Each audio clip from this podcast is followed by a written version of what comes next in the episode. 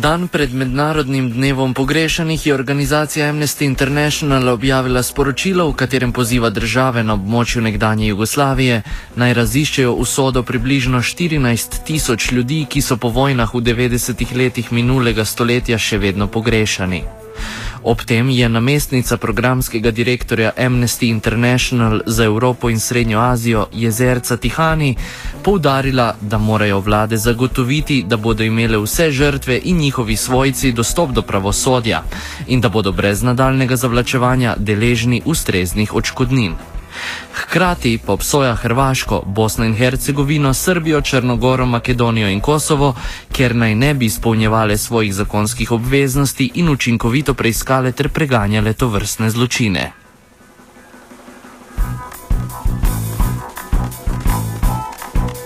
O razlogih, zakaj je na območju bivše Jugoslavije še vedno tako veliko pogrešanih oseb, smo govorili s šefico direktorja za Zahodni Balkan pri Mednarodni komisiji za pogrešane, Klaudijo Kljuh, ki najprej poudari, da relativno gledano, to območje predstavlja precedenčni primer v številu identificiranih pogrešanih oseb glede na preostali svet. Ono što ima, moram imati na umu na početku našeg razgovora je činjenica da se od 40.000 nestalih koje, koje je bilo a, krajem 90. godina na području bivše Jugoslavije, odnosno zemljama koji su bigo, bile pogođene konfliktima na području bivše Jugoslavije, do sada je pronađeno 26.000 nestalih.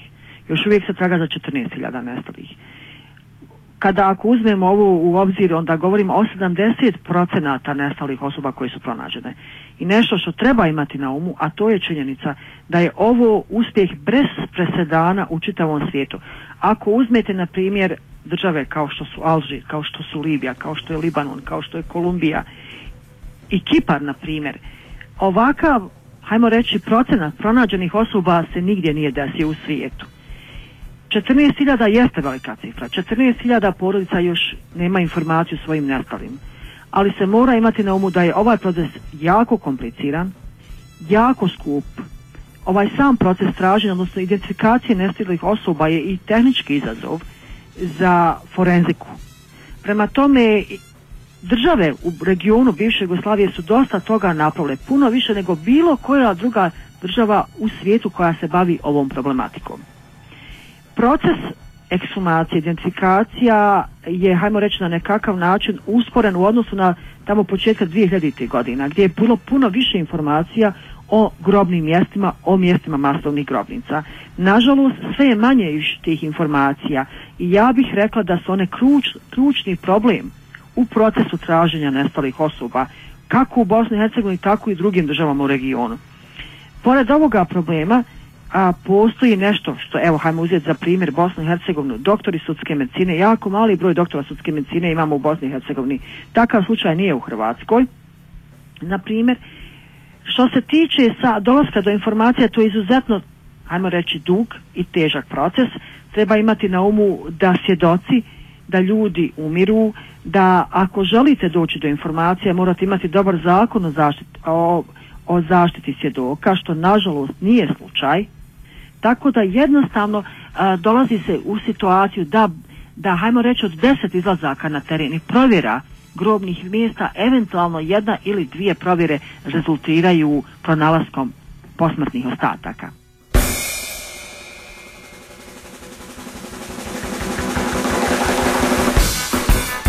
Klaudija Kuljuh je omenila, da je problematičen tudi zakon o varovanju prič, poudarila pa je tudi, da sama vlada zaradi bojazni, da bi prišli v javnost nekateri zločini, ki jih je med vojno zagrešila oblast, ne izdaja pretirano rada informacij o lokacijah izginulih.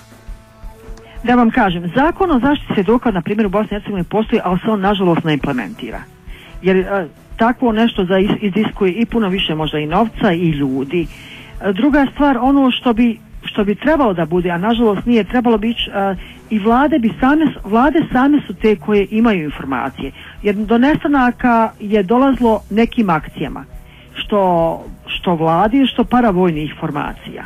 Prema tome, vlade imaju odgovornost prema svojim građanima. Oni bi trebali pružiti informacije koje su, hajmo reći, u fiokama na nekakav način. Do toga još nije došlo, odnosno svjedoci ljudi koji su bili uključeni u nestance, o nestanke nisu ti koji govore, odnosno daju informacije. A, jedan od, hajmo reći, a, nekakvih akcija, odnosno nastojanja porodica nestalih, što se pojačalo zadnjih par godina, je činjenica da porodice nestalih osoba traže od nadležnih tužilaštava da uđu, odnosno da uzmu obzir a, instituciju nagodbe. Gdje ako se dolazi do nagodbe sa, optuž, sa optuženim da jedan od prvih preduslova za, nazu, za nagodbu bude davanje lokacije grobnih mjesta gdje se nalaze posmrtni ostaci da li bez razlike da li normalno govorimo ili o individualnim pojedinačnim ili o masovnim grobnicama. To je jedan od načina kako se može doći do dodatnih odnosno novih informacija o grobnim mjestima. Prema tome smatramo da vlada i Bosne i Hercegovine i druge vlade koji su pogođene ovim problemom moraju dati sve od sebe što je moguće da bi se dobile nove informacije. Kuljuhovo smo vprašali, ali je zaradi preteklih grehov vlad držav, na področju katerih je hromela vojna, iskanje in identificiranje pogrešenih v veliki meri spolitizirano in tako seveda oteženo. Da vam iskreno kažem, a, definitivno proces traženja nestalih jeste ispolitiziran. I to je nažalost situacija u Bosni i Hercegovini. Vi morate imati na umu da u Bosni i Hercegovini svake dvije, svake dvije godine imamo izbore, da li lokalne ili generalne. Nažalost, svake izborne godine smo svjedoci činjenice da političari zloupotrebljavaju pitanje nestalih osoba i da jednostavno su to jedini momenti kada se oni sjete porodica nestalih i udruženja nestalih osoba. Činjenica da zakon o nestalim osobama koji je usvojen u Bosni i Hercegovini 2004. godine još uvijek potpunosti ne je implementiran ide u prilog onoga što sam rekla, a to je da još uvijek vlasti Bosne i imaju jako puno toga da napravi po ovom pitanju. Zakon nestalim osobama predviđa uspostavu fonda koji bi bio financijska potpora porodcama nestalih osoba, ali i radu udruženja. Nažalost, fond nije napravljen. Evo, poslije osam godina još smo u takvoj situaciji. Prema tome smatramo, vlade su dosta toga napravili. Kao što sam rekla, 70% nestalih jeste pronađen. To je uspjeh. Ali jako puno toga još treba da se napravi i to je ono što oni duguju i prema svojim građanima i sve prema svom biračkom tijelu. Po ocenah Mednarodnega urada za pogrešane zaradi oboroženih spopadov pogrešajo skupaj po svetu več kot milijon ljudi.